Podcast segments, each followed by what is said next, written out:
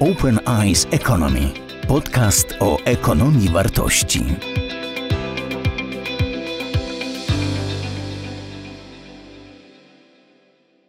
Dzień dobry Państwu. E, drugi wykład ma tytuł Rachunek wyniku i rachunek zasobów.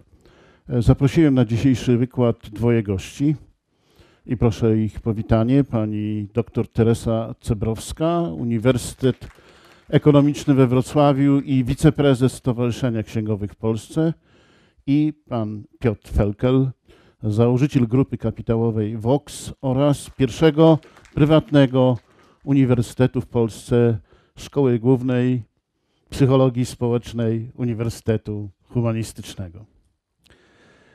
Proszę Państwa, zacznę wykład od przywołania e, dwóch postaci. E, te postacie się ze sobą nigdy nie spotkały, ale mają ze sobą silny związek, e, o którym będę dzisiaj mówił. Pierwszą z tych postaci jest niegdysiejszy prezes wielkiej globalnej korporacji General Motors, który zasłynął między innymi z tego oto e, powiedzenia, którego wersję angielską przytaczam, a które można powiedzieć po polsku, General Motors nie jest od zajmowania się samochodami, jest od zarabiania pieniędzy. Co gdyby trochę uogólnić, jest inną wersją znanego angielskiego powiedzenia the business of business is business, czyli nieważne co robisz, ważne czy zarobisz. Jakie są tezy wyjściowe do dzisiejszego wykładu? Pierwsza jest taka, że instrumentalizacja wartości egzystencjalnych jest konieczna do prowadzenia działalności gospodarczej.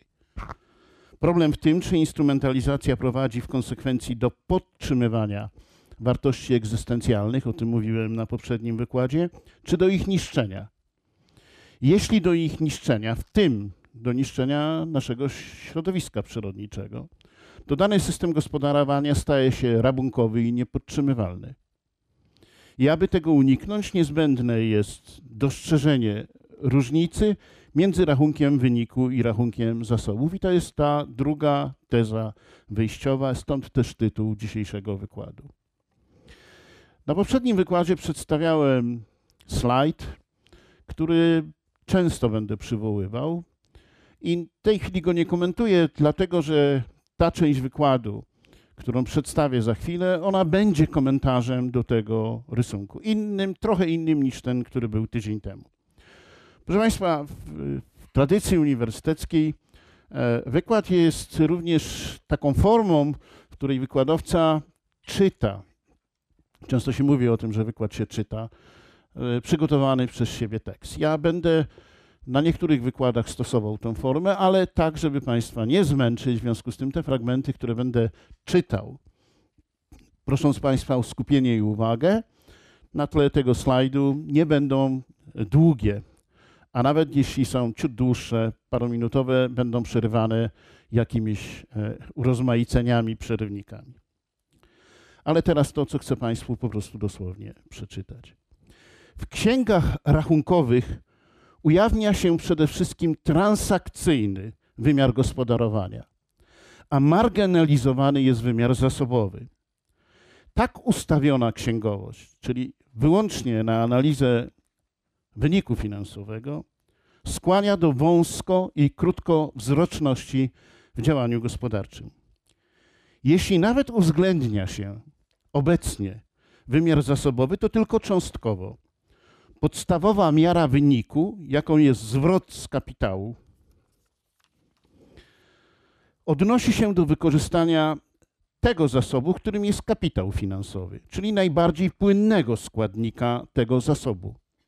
W konsekwencji wzmacnia to płynnościową i transakcyjną orientację menadżerów. Po prostu menadżerowie głównie zajmują się przepływami finansowymi, czyli cash flow.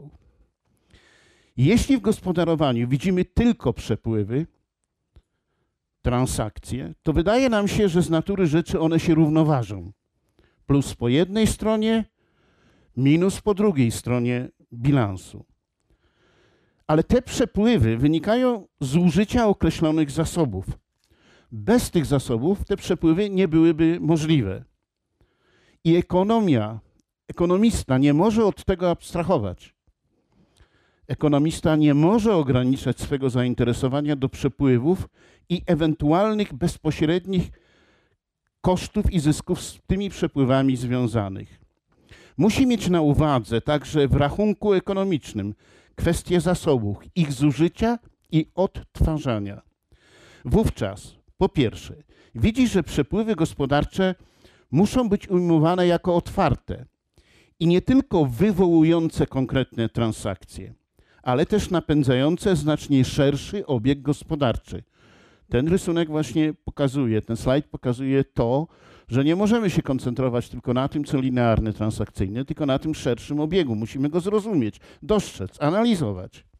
Po drugie, jeśli chce ekonomista dokonać oceny efektywności konkretnych przepływów, to nie może pomijać kwestii zasobów z nimi związanych.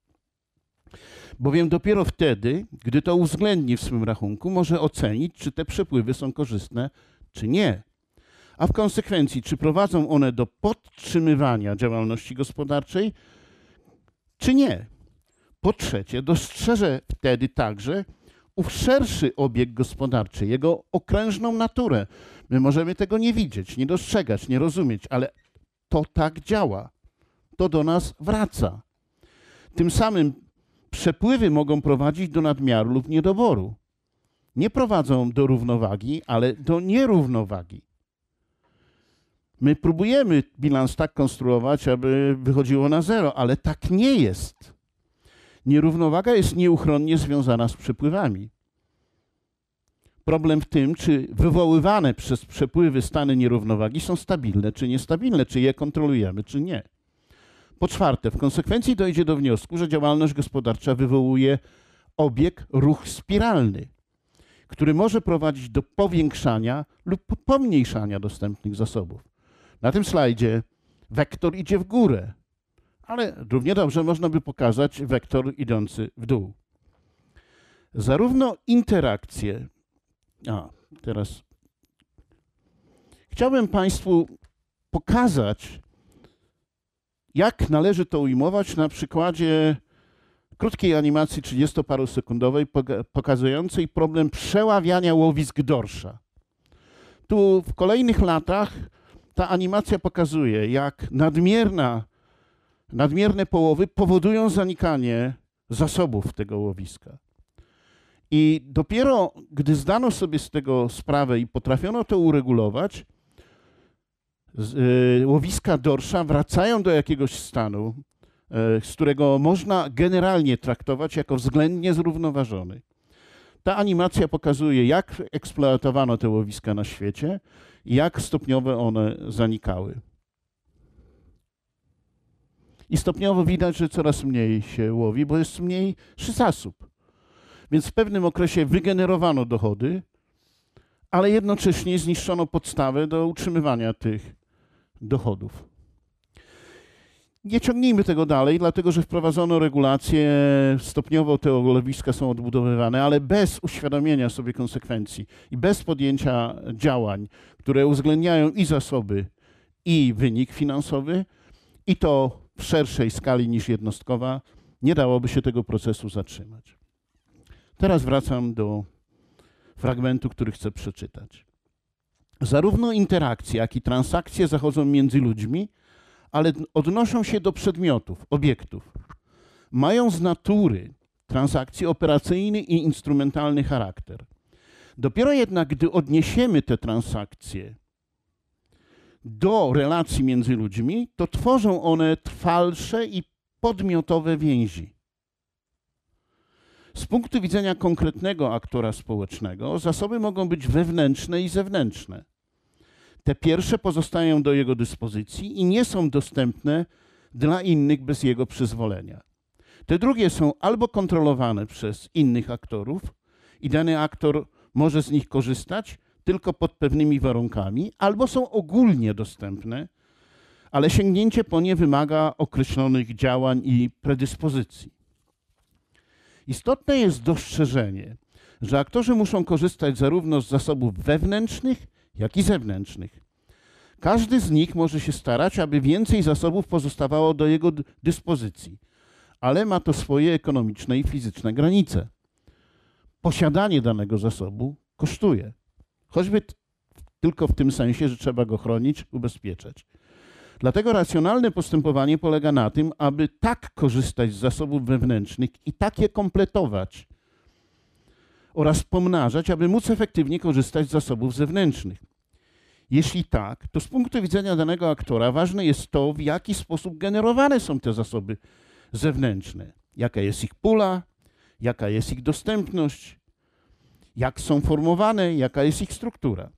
Musi także pamiętać, że inni aktorzy, tak jak i on, dążą do przejęcia kontroli nad zewnętrznymi zasobami. Zatem staje wobec dylematu, czy zawłaszczanie zasobów i wyłączanie z możliwości korzystania przez innych tych zasobów jest najlepszą strategią. Czy może jednak korzystniejsze jest pozostawienie pewnej puli zasobów jako ogólnodostępnych i wspólne nimi zarządzanie? No tak jest w przypadku rybołówstwa. Może nie w przypadku każdego rodzaju ryby, ale generalnie w tym kierunku na tych łowiskach poszły zmiany. Nie ma w tym zakresie prostego rozwiązania. Zawsze jest ono złożone i musi być modyfikowane w zależności od zmieniającej się sytuacji. Powstaje też problem, jak ustanowić właściwe rozwiązanie i zadbać, aby było skutecznie stosowane. Jeśli to zagadnienie się pominie, koncentrując się na bieżącym kształtowaniu ekonomicznych przepływów, to prędzej czy później doprowadzi się do kryzysu i gospodarczego załamania. Obserwacja zmian inkrementalnych, rachunek wyniku, może prowadzić do złudnego obrazu sytuacji gospodarczej, jeśli nie jest uzupełniona rachunek eksploatacji zasobów, które były niezbędne do uzyskania określonego wyniku. Dopiero wówczas można ocenić wartość uzyskanego wyniku i to, czy tak prowadzona działalność gospodarcza będzie podtrzymywalna.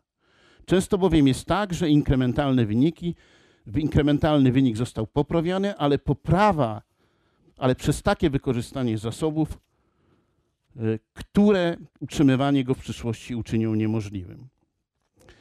Proszę Państwa, ja tutaj daję obraz cyklonu tropikalnego to zjawisko cyklonu tropikalnego ma to do siebie, że powstawania cyklonu nie widzi się na powierzchni wody. Na powierzchni wody jest spokój. Ten maleńki stateczek, który tam jest pokazany na dole, i jego załoga zdaje się płynąć po spokojnym akwenie.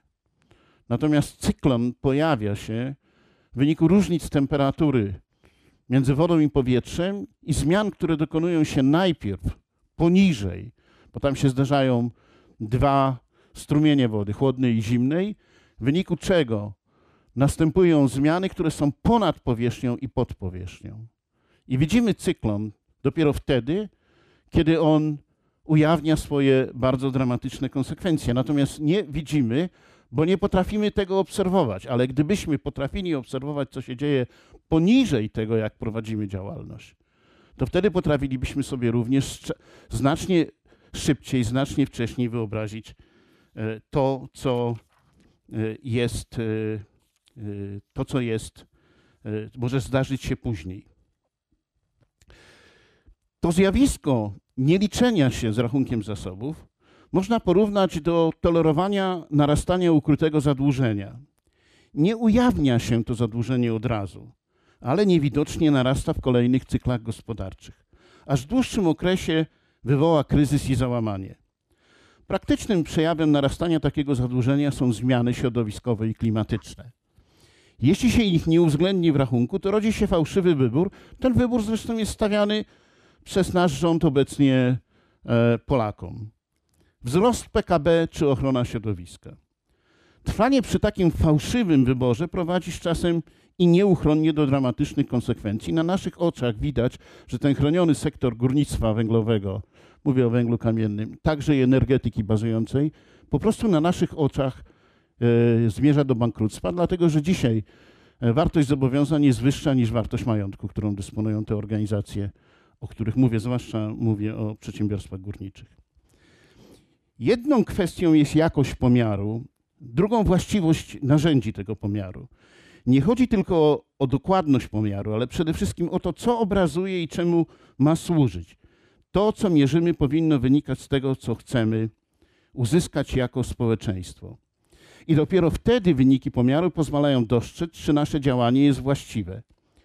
Świadczy o tym, to, świadczy to o tym, że pomiaru i rachunku nie wolno odrywać od jej akcjonormatywnej podstawy tego rachunku. Wynik ma społeczny sens, jeśli jest rachunkiem zasobów i wartości.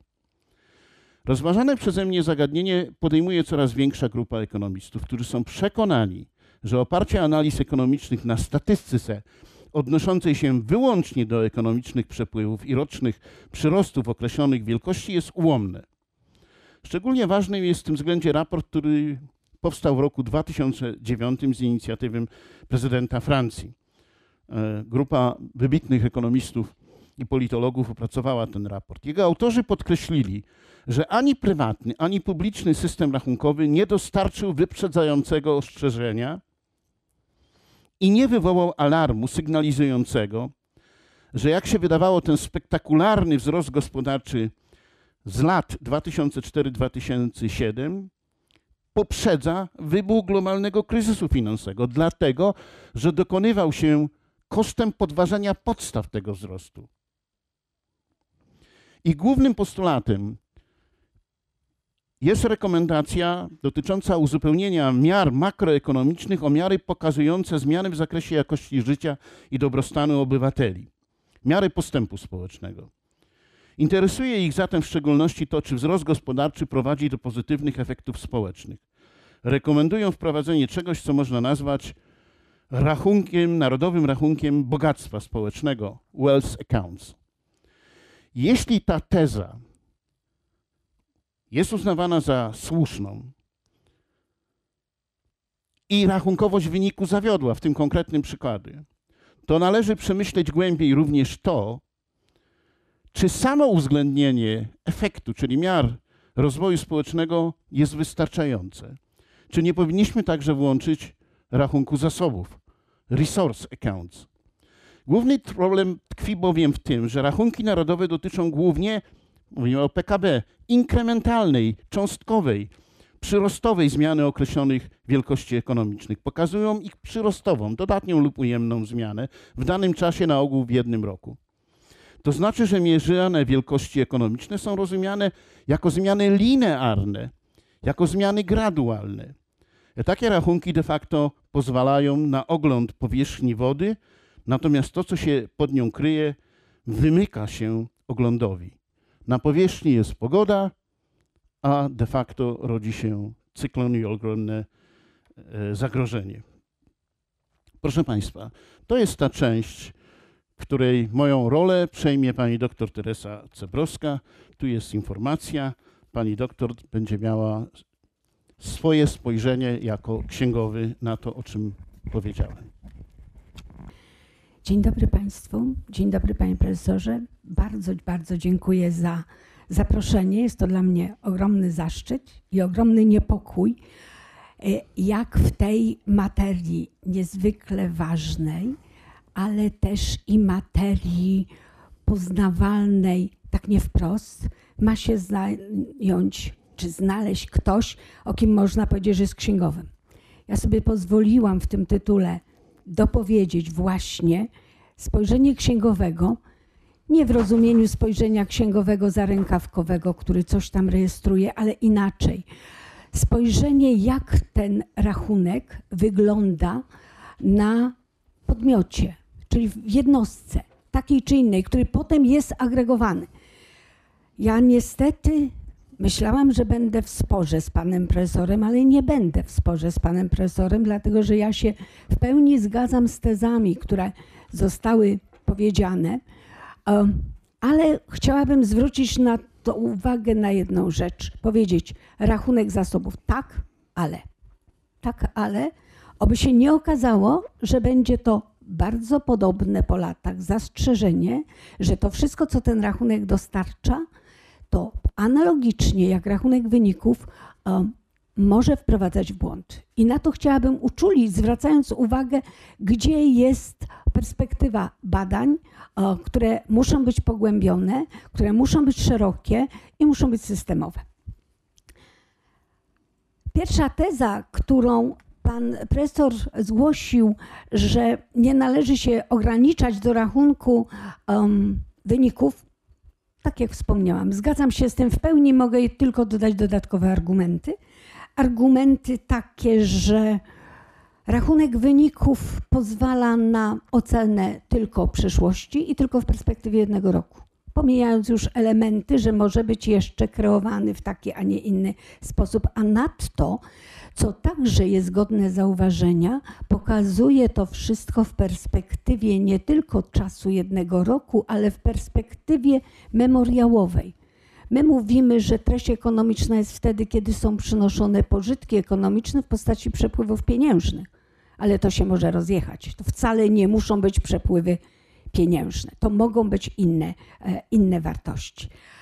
E, ponadto nie pozwala na wykrycie zasobów nie pokazuje skąd to jest i dlaczego to jest. Przy tych zasobach będziemy, będę się jeszcze chwileczkę potem zatrzymywała, żeby się nie okazało, że zasoby wykazywane w ewidencji mają wartość ujemną.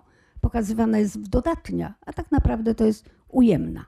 Bo jeżeli w zasobach jest coś, co wymaga utylizacji, a to jeszcze kosztuje, to to nie ma wartości dodatniej, mimo że ona jest jakoś zmierzona. O tym pozwolę sobie troszeczkę później powiedzieć. Dlaczego, dlaczego rachunek zasobów, a nie tylko rachunek wyników? Bo ja może bym powiedziała nie tylko, a nie w zamian. Ano dlatego, że jest fundamentalna różnica między nimi. Fundamentalna różnica, która jest podstawowym problemem rachunkowości. Proszę Państwa, najważniejszy problem rachunkowości, taki um, fundamentalny, mówię najważniejszy, fundamentalny, masło jest myślane, trudno tak to już powiedziałam, to jest to, czy skutki transakcji mają być odniesione do wyniku, czy skutki transakcji mają być odniesione, mówiąc językiem księgowym, do bilansu, mówiąc językiem ekonomicznym, do rachunku zasobów. Kolosalna różnica, czy tu, czy tu. Jedno skutkuje w skali roku, drugie ma przynieść pożytki w przyszłości. A zatem, czy to ma być aktywowane, czy to ma być koszt czy to ma być przychodem, pożytkiem, czy może zobowiązaniem, czyli zupełnie inne podejście. I to są te dwa różne modele. W obu modelach trzeba się jakoś znaleźć. Ponadto rachunek wyników jest za czas, a rachunek zasobów na dzień, co oznaczać będzie zawsze także to, że ten dzień czasami jest dniem. Nie chcę powiedzieć, że kreowanym, bo dzień jest taki, jaki jest. Tutaj się nic nie zmienia, ale patrzenie jest na ten dzień z punktu widzenia jednej rzeczy, a mianowicie rozliczenia kierownictwa jednostki za to, co się zrobiło. Po to się w tym będzie, e, będzie się w tym mieściło. Wszędzie obowiązuje zasada memoriału, o tym już także powiedziałam. Patrzenie na ten rachunek zasobów powinno być z takiej perspektywy, że to powoduje nie tylko pożytki na dziś, ale pożytki na przyszłość. W rachunku wyników pożytki są dzisiaj te, które były. Już ich z tego tytułu nie będzie. Jest jeszcze jeden problem w rachunku wyników, na który chciałabym także zwrócić uwagę, negując go, że on ma płaszczyzny, które nie są kompatybilne ani z bilansem, czyli z tymi zasobami, ani nie jest kompatybilny z e, przepływami pieniężnymi. Inaczej mówimy o działalności operacyjnej, inaczej o inwestycyjnej, inaczej o finansowej, w każdym z tych trzech rachunków. Czy to dobrze? Źle. Trzeba zacząć myśleć trochę inaczej. Druga teza, którą pan profesor postawił, to jest korzystanie z zasobów nie tylko wewnętrznych, ale także i zewnętrznych, posiłkowanie się nimi. Z całą pewnością tak. Proszę Państwa, Problemem jest definicja. Definicja zasobów. Jeżeli sobie powiemy, że te zasoby to jest to, co jednostka, organizacja posiada, to jest pytanie, czy ma posiadać, a wtedy jest kwestia własności. Jeszcze nie mówię o korzystaniu z tego, co ma, ale samo posiadanie. Tak onegdaj w rachunkowości było. Miało być wszystko to, co jest posiadane w rozumieniu jest własność. czyli jest prawo własności do tego. Stąd to pierwsza, ta pierwsza kolorowa kosteczka. Na dzień dzisiejszy to posiadanie związane z własnością przewija się w prawie podatkowym. Tam składnik majątku jest składnikiem, jeżeli jest prawo własności. Konsekwencje są tego ogromne, dlatego że wykorzystanie to jest nic innego jak zużycie. Pan profesor wspominał o amortyzacji. Amortyzacja jest niczym innym jak kosztem tego zużycia. Co to oznacza? Że w prawie podatkowym, jeżeli nie będzie własności, to nie będzie kosztów zużycia. To znaczy, że co z powietrza się trzyma pożytki, trochę się tutaj to rozjeżdża. Ale my mówimy już inaczej. Już nie mówimy o posiadaniu, nie mówimy o własności, mówimy o kontroli. Kontrola nad całością, ale może nie, może nie. Może nie, bo już nie tylko kontrola, ale i współkontrola, czyli więcej niż jeden może nad tym czuwać. Natomiast to, w, którym, w którą stronę rachunkowość zasobów idzie, o czym się myśli już i co już się dzieje, to jest użyczanie. To jest to, o czym powiedział pan profesor. Są zasoby zewnętrzne. Nie muszę czegoś mieć, z czego, żeby z tego korzystać. Na dzień dzisiejszy w naszym prawie bilansowym jeszcze nic na ten temat nie ma, ale w międzynarodowych standardach sprawozdawczości finansowej to już jest. Mamy MSSF 16 leasing, który powiada, jeżeli z czegoś korzystasz, przynosi ci to pożyczki, to nie pokazuj, że to masz, ale pokaż co innego pokaż prawo do korzystania. I to prawo musi być wyceniane, ale to potem już jest kolejny problem, jak to, jak to sobie zrobić. A zatem, proszę Państwa, problem w definicji. Um, po to, żeby sobie powiedzieć, co się w tym rachunku zasobów kryje, po to, żeby móc ocenić produktywność, o której Pan Profesor także wspominał, relacją efektów do zasobów, ogólnie mówiąc. Mamy definicję aktywów. Mówię z punktu widzenia rachunkowości. I mamy w niej już to, o czym wspominałam, kontrolowane. Czyli nie muszę mieć prawa własności. Jeżeli mam, będę miała kontrolowane, jeżeli będę miała prawo do czegoś, do korzystania z czegoś, to mi coś może przynieść pożytki. Wiarygodnie określona wartość to jest problem wyceny. Jeszcze na chwileczkę się potem do tego odniosę. No i kolejna rzecz musi mieć wpływ na osiągane korzyści. Jeżeli jednostka posiada coś, co, na co, co mu nie przyniesie pożytków, to mówiąc takim bardzo slangowym językiem, ma badziewie, a nie zasoby. A wobec tego pojawia się tylko inny problem. Czy, jakie są te zasoby? Najważniejszym zasobem każdej organizacji jest człowiek. I pytanie, czy tenże człowiek jest w ewidencji. Nie. Czy te zasoby ludzkie są w ewidencji? Nie. Czy one są w tym rachunku? Nie. Można sobie odpowiedzieć, a dlaczego nie, skoro to jest największa wartość? A właściwie przez jedno słowo kontrolowane. Czy można kontrolować te zasoby? Czy można? Bo że przynoszą pożytki z całą pewnością tak. Związany problem z zasobami jest taki, że jeżeli mówimy o różnych zasobach, to te zasoby będą miały różną postać i to jest to wnętrze tego oceanu, o którym pan profesor wspominał.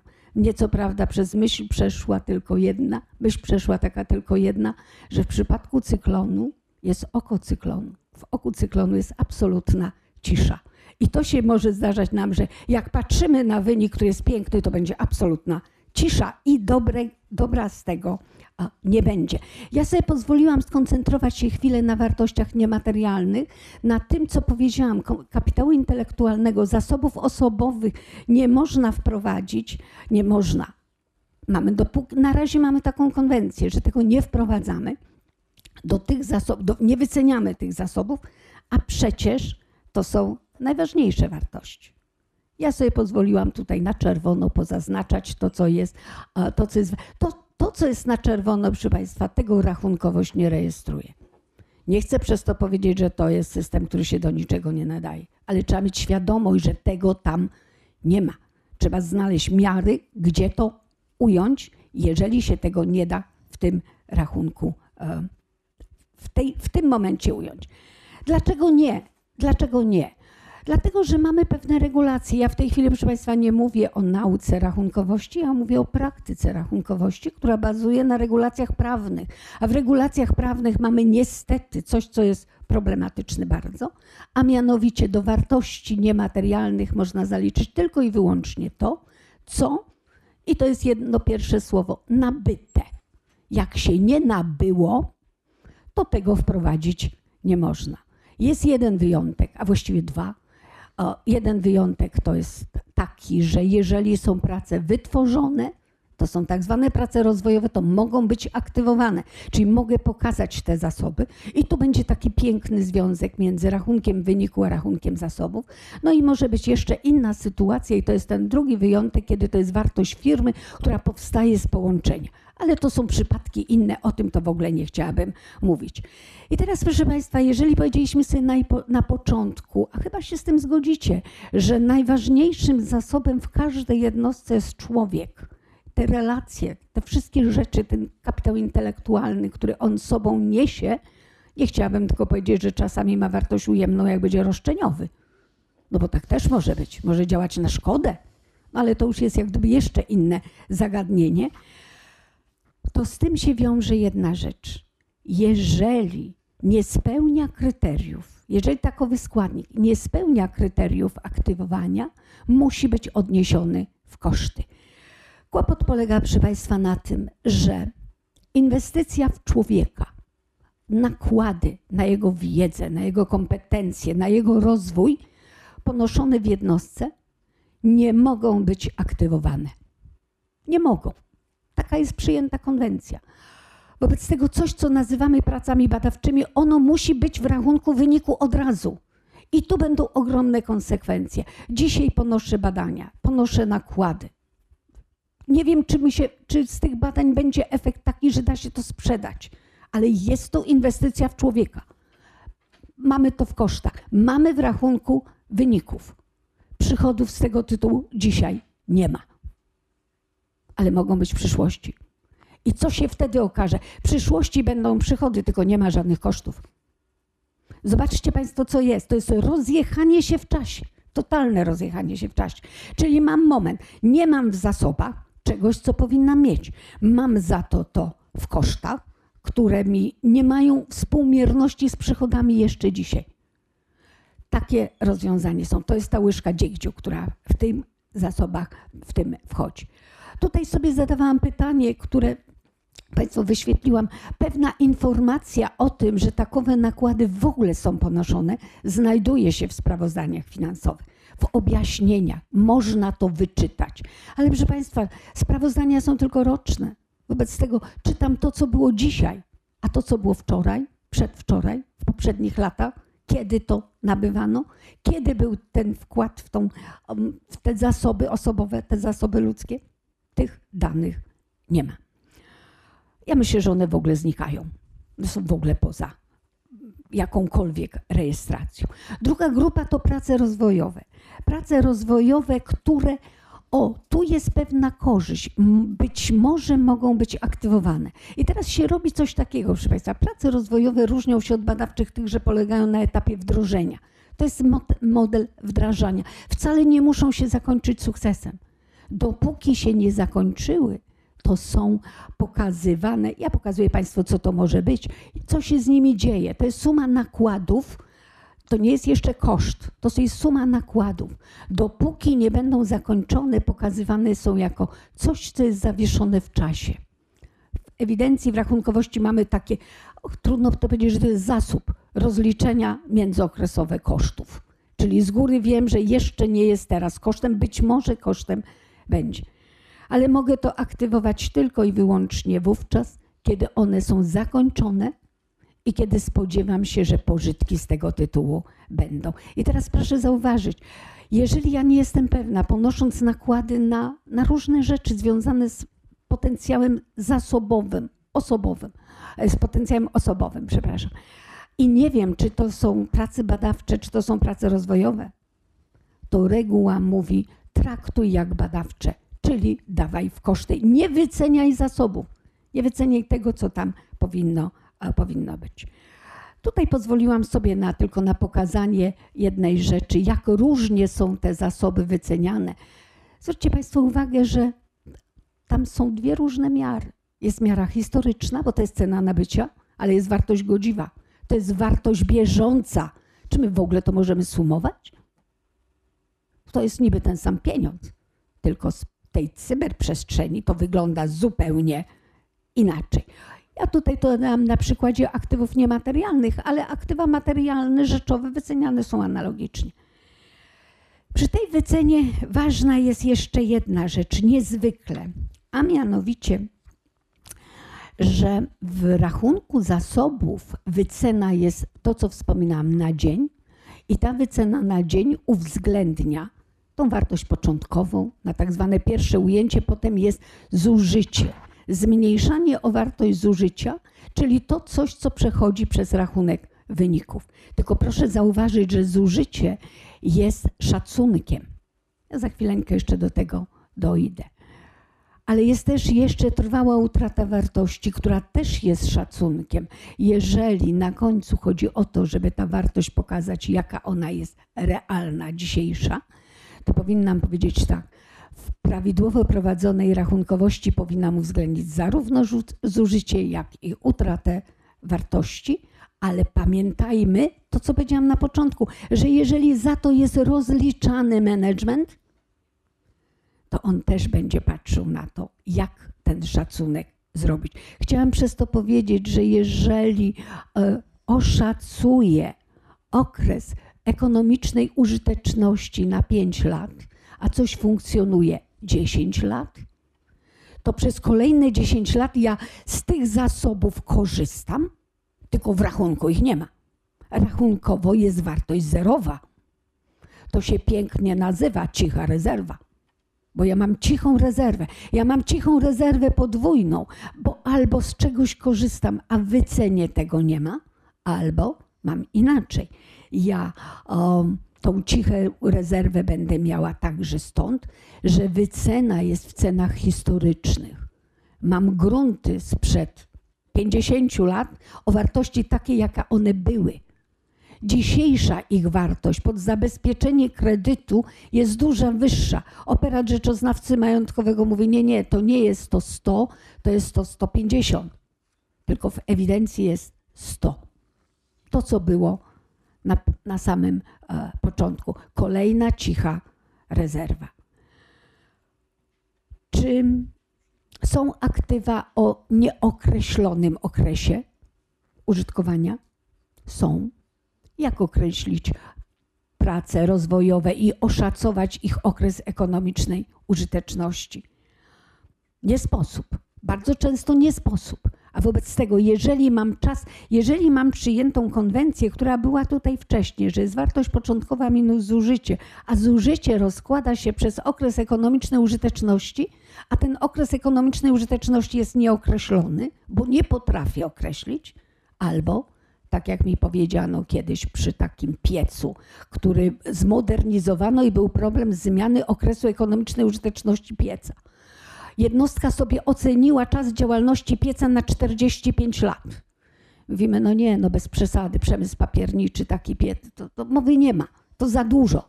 Wystąpiliśmy do producenta. Bardzo ciekawa była odpowiedź. My szacujemy okres użyteczności dożywotnio. Nie widzimy okresu zaprzestania. On może pracować. A wówczas co się dzieje? Wówczas w takiej sytuacji, proszę Państwa, to jest nieamortyzowane bo nie ma tego przypisania okresu.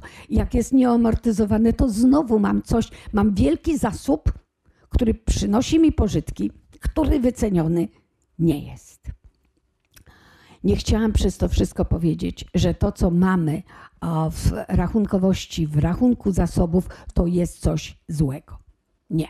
Chciałam tylko zwrócić, dlaczego nie. Dlatego, że mamy pewną konwencję, która wynika z prawa bilansowego, który mówi, że ten skrót SF, Państwa, to na pewno nie jest science fiction, tylko sprawozdanie finansowe. I ten skrót SF oznacza, że ono, jeżeli jest dobrze zrobione, a powinno być, to ono ma być rzetelne, A jeżeli ma być rzetelne, to proszę zauważyć, co ma odwzorować. Ma odwzorować sytuację majątkowo-finansową. Majątkowa to jest ten rachunek zasobów. Finansową to będzie, i wynik finansowy to będzie ten rachunek wyników. Ma być prawdziwe, ma być zgodne z rzeczywistością, ale zgodne z przyjętą konwencją, zgodne z zasadami. Stąd niestety ta historyczna wycena, z którą czasami się wszyscy, o, wszyscy dokładnie burzymy. Czy zatem ten rachunek zasobu a, może zaspokoić oczekiwania? Czy to będzie ta miara? Rzeczy, może nie miara, to narzędzie, bo to trudno nazwać miarą. No niestety mam wątpliwości. Wątpliwości dlatego, że te aktywa niematerialne, które są naprawdę ogromnymi, ogromną wartością, nie są ujęte. To, że brak jest możliwości oceniania przyrostu kapitału intelektualnego. Um, mamy inwestycje w ludzi, nie wiemy, potrafimy ją zmierzyć, ale pożytków z tego nie możemy wyrazić u siebie. Wyrażamy w tym, co oni zrobili, jak oni funkcjonują. Natomiast tego w zasobach nie mamy. No i mamy brak możliwości o, śledzenia zmian tego potencjału mm, organizacji. Ale to nie oznacza, że źle. To nie oznacza, że jest źle, jest to dlatego, że jeżeli mamy świadomość niedostatków, a ja starałam się skoncentrować na tych niedostatkach tego rachunku zasobu, to w żaden sposób to nie dyskwalifikuje jego wykorzystania. Um, tak jak wspomniałam, na pewno powinien być inspiracją do dalszych badań, do podstawowych badań, do zastanawiania się, jak ujmować to, co jest tylko użyczane. I muszę Państwu powiedzieć, że Rada Międzynarodowych Standardów Sprawozdawczości Finansowej cały czas pracuje nad założeniami koncepcyjnymi sprawozdawczości finansowej i badania idą w tym kierunku. Tak jak napisałam, na, pokazałam Państwu na samym początku, od tego posiadania, od własności do użyczania. Dziękując za pozwolenie zabrania głosu, chciałam tylko Państwa um, przekonać, mam nadzieję, że mi się to udało, że w tej rachunkowości jest dużo mm, wartości, z których można skorzystać, natomiast trzeba po prostu razem pracować nad tym, żebyśmy wiedzieli z tego systemu więcej i żebyśmy nie musieli popełniać błędów. Dziękuję Panie Profesorze. Dziękuję bardzo.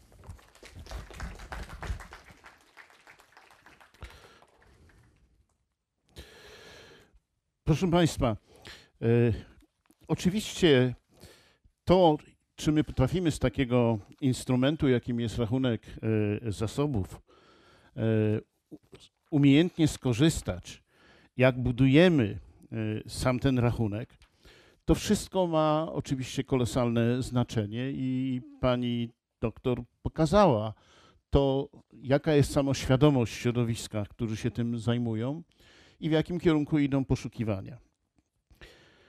Ja chciałbym na to spojrzeć jako ekonomista. I chcę powiedzieć tak. My musimy mieć solidną analitykę ekonomiczną i na poziomie mikro, i na poziomie makro, bo inaczej nasze działania nie mają solidnych, rzetelnych podstaw. Po prostu nie wiemy, jak wygląda ta rzeczywistość, do której odniosimy nasze działania. W tym sensie to, jak mierzymy, za pomocą jakich narzędzi i sposobów ma bardzo duże znaczenie. Jednakże nie wolno nam pomijać pytania, które jest inne z natury, a mianowicie nie jak mierzymy, tylko co mierzymy i po co mierzymy. Ja wspomniałem już o pracach, e, które były zlecone przez prezydenta Francji. Natomiast nieco później podobna grupa ludzi, a więc także z, udziałem Józefa Sztyglica i Żana Paula Fitusiego, opracowała raport, który jest e, bardzo ceniony i znany dla OECD. z którego wyjąłem tę myśl. To, co mierzymy, wpływa na to, co robimy. Jeśli mierzymy rzeczy niewłaściwe, to będziemy działać źle. A jeśli czegoś nie mierzymy, nie zwracamy na to uwagi i postępujemy tak, jak gdyby ten problem nie istniał, to znaczy, że będziemy mieli nieoczekiwane, bardzo często niekorzystne efekty. I sens tej myśli chcę pokazać na dwóch przykładach, który krótko skomentuję. To są opracowania eksperckie. Ten pierwszy przykład pokazuje bardzo bogate hrabstwa w Stanach Zjednoczonych. Bardzo bogate. I pokazuje, jak rośnie PKB w tych hrabstwach, w tych bardzo bogatych hrabstwach. I związek jest taki, że jeśli w tych hrabstwach bardzo szybko rośnie produkt krajowy brutto, to pojawia się zjawisko wzrostu bezdomności. Na ogół my, ekonomiści, posługujemy się taką kategorią, e, e, po angielsku się nazywa trickle down, e, trickle up efekt, który polega na tym, że to bardzo wielu ekonomistów wolnorynkowych używa tego określenia, że jeśli jest przypływ, to wszystkie łódki i małe, i duże, i bogate, i, i, i bogate jachty, i, i, maleńkie łupinki idą w górę. Każdy korzysta, jedni więcej, inni mniej. A jak jest dekoniunktura, to wszyscy tracą. Ci bogatsi tracą więcej niż ci biedni. W tym sensie ten mechanizm e, działania rynkowego jest absolutnie sprawiedliwy. Tutaj nie ma żadnego efektu, który polegałby na tym, że korzystają wszyscy. Tu określona grupa ludzi bardzo wyraźnie na wzroście gospodarczym traci. Dlaczego? Bo w tych bardzo bogatych hrabstwach następuje zjawisko polegające na przyciąganiu coraz wyższej klasy specjalistów. I przyciąganie tych wyższej klasy specjalistów, którzy są potrzebni po to, żeby podnosić wydajność i podnosić wzrost w danym okręgu, powoduje, że rosną gwałtownie czynsze. A jeśli rosną gwałtownie czynsze, to w kraju, w którym większość e, nieruchomości mieszkaniowych E, działa na zasadzie e, własności indywidualnej, następuje sytuacja, że ludzie tracą swoje domy, tracą swoje siedziby, są wypierani, nie są w stanie ich utrzymać. Jaki jest wniosek z tego? A mianowicie, że jeśli w sposób uproszczony ujmujemy zależność między różnymi zjawiskami ekonomicznymi nie badamy treści tych zjawisk, jeśli nie posługujemy się rzetelną analityką, to ulegamy różnego rodzaju złudzeniom. Ale jednocześnie to jest tak, że jeśli widzimy to, czyli mamy tego rodzaju analizę i widzimy konsekwencje, to oczywistą jest rzeczą, że w tych hrabstwach podstawą działania władz miejskich powinno być coś, co się nazywa affordable housing. Czyli mówiąc inaczej, polityka miasta sprowadzająca się do tego, by zapewniać dostępność mieszkaniową również dla ludzi, którzy w wyniku zmian strukturalnych tracą zdolność utrzymania swoich mieszkań. I że ważne jest to, żeby w świadomości społecznej istnienie tego rodzaju zjawisk było odzwierciedlone, ponieważ to jest podstawą oczekiwania do określonej polityki władz. I to jest jeden przykład, który chcę pokazać, jak ważne jest nie tylko jak mierzymy, ale jest ważne, co mierzymy y, dla racjonalnych, rozsądnych zachowań. Drugi przykład wiąże się z handlem y, elektronicznym, e-handlem, e-commerce. W tym przypadku chodzi o to, by zobaczyć, jak zakupy konsumpcyjne gospodarstw domowych wpływają na intensywność ruchu y, pojazdów w mieście. Otóż zaobserwowano, że wraz ze wzrostem zakupów e, w miastach, które są dokonywane za pomocą pośredników cyfrowych, czyli z dostarczaniem do domu, gwałtownie rośnie ruch samochodowy, w tym także ruch ciężkich pojazdów, więc to nie są tylko kurierzy. Tak? Bo na ogół jest tak, że gdzieś jeśli rośnie skala tego handlu, muszą istnieć centra dostarczania, dopiero z tamtych centrów kurierzy rozwożą. Także jeśli ktoś powie, dobrze, to niech ci kurierzy jeżdżą rowerami, to chcę wyraźnie powiedzieć, to nie rozwiązuje e, problemu. Co oznacza, jeśli taką wiedzę, taką analitykę posiadamy? Kiedy po prostu zastanawiamy się nad tym i rzeczywiście patrzymy na treść, na konsekwencje różnych zjawisk ekonomicznych. Wniosek jest z tego prosty. Jeśli ludziom uzmysławiać te konsekwencje, to oczywistym rzeczą, że rodzą się dwie. Refleksja, czy rzeczywiście e-commerce jest e, idealnym rozwiązaniem, a jeśli nawet, to jest następne pytanie. Do jakiego stopnia stanowi to wyzwanie dla władz miejskich?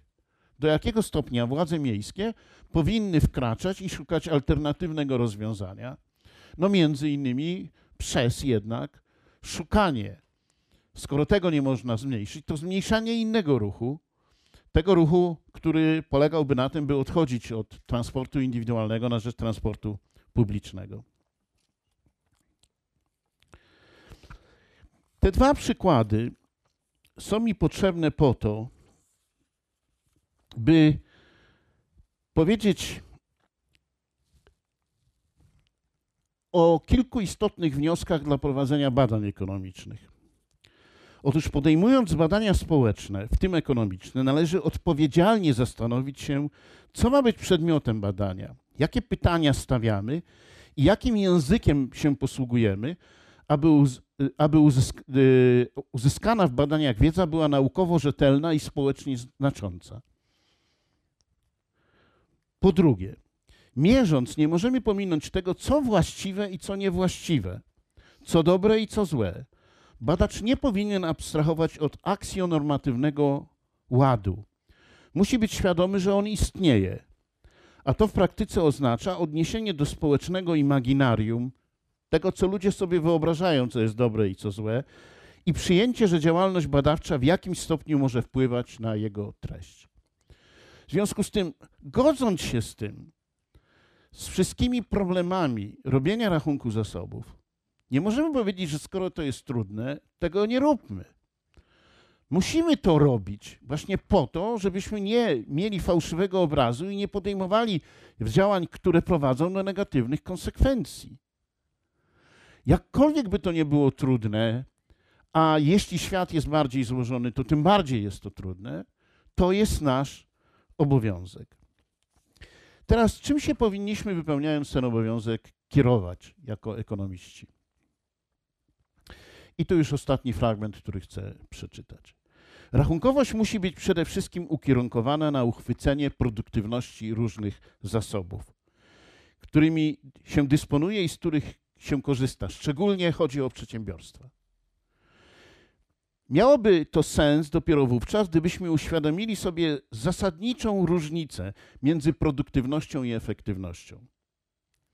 Otóż ja uważam, że w ekonomii my pomijamy tę różnicę pomiędzy produktywnością i efektywnością. Dlatego koncentrujemy się na rachunku wyniku, na opłacalności, a de facto usuwamy, marginalizujemy rachunek zasobów, czyli to, co się wiąże z produktywnością. Ta różnica nie jest taka oczywista. Efektywność ekonomiczna w swym podstawowym znaczeniu to syntetyczna miara rezultatu, wyniku finansowego w relacji do poniesionych nakładów kosztów. I tak rozumiana efektywność, czyli opłacalność, jest mierzona w odniesieniu do organizacji lub podejmowanych przez tę organizację działań, przedsięwzięć, przykład inwestycji, transakcji, wdrożenia.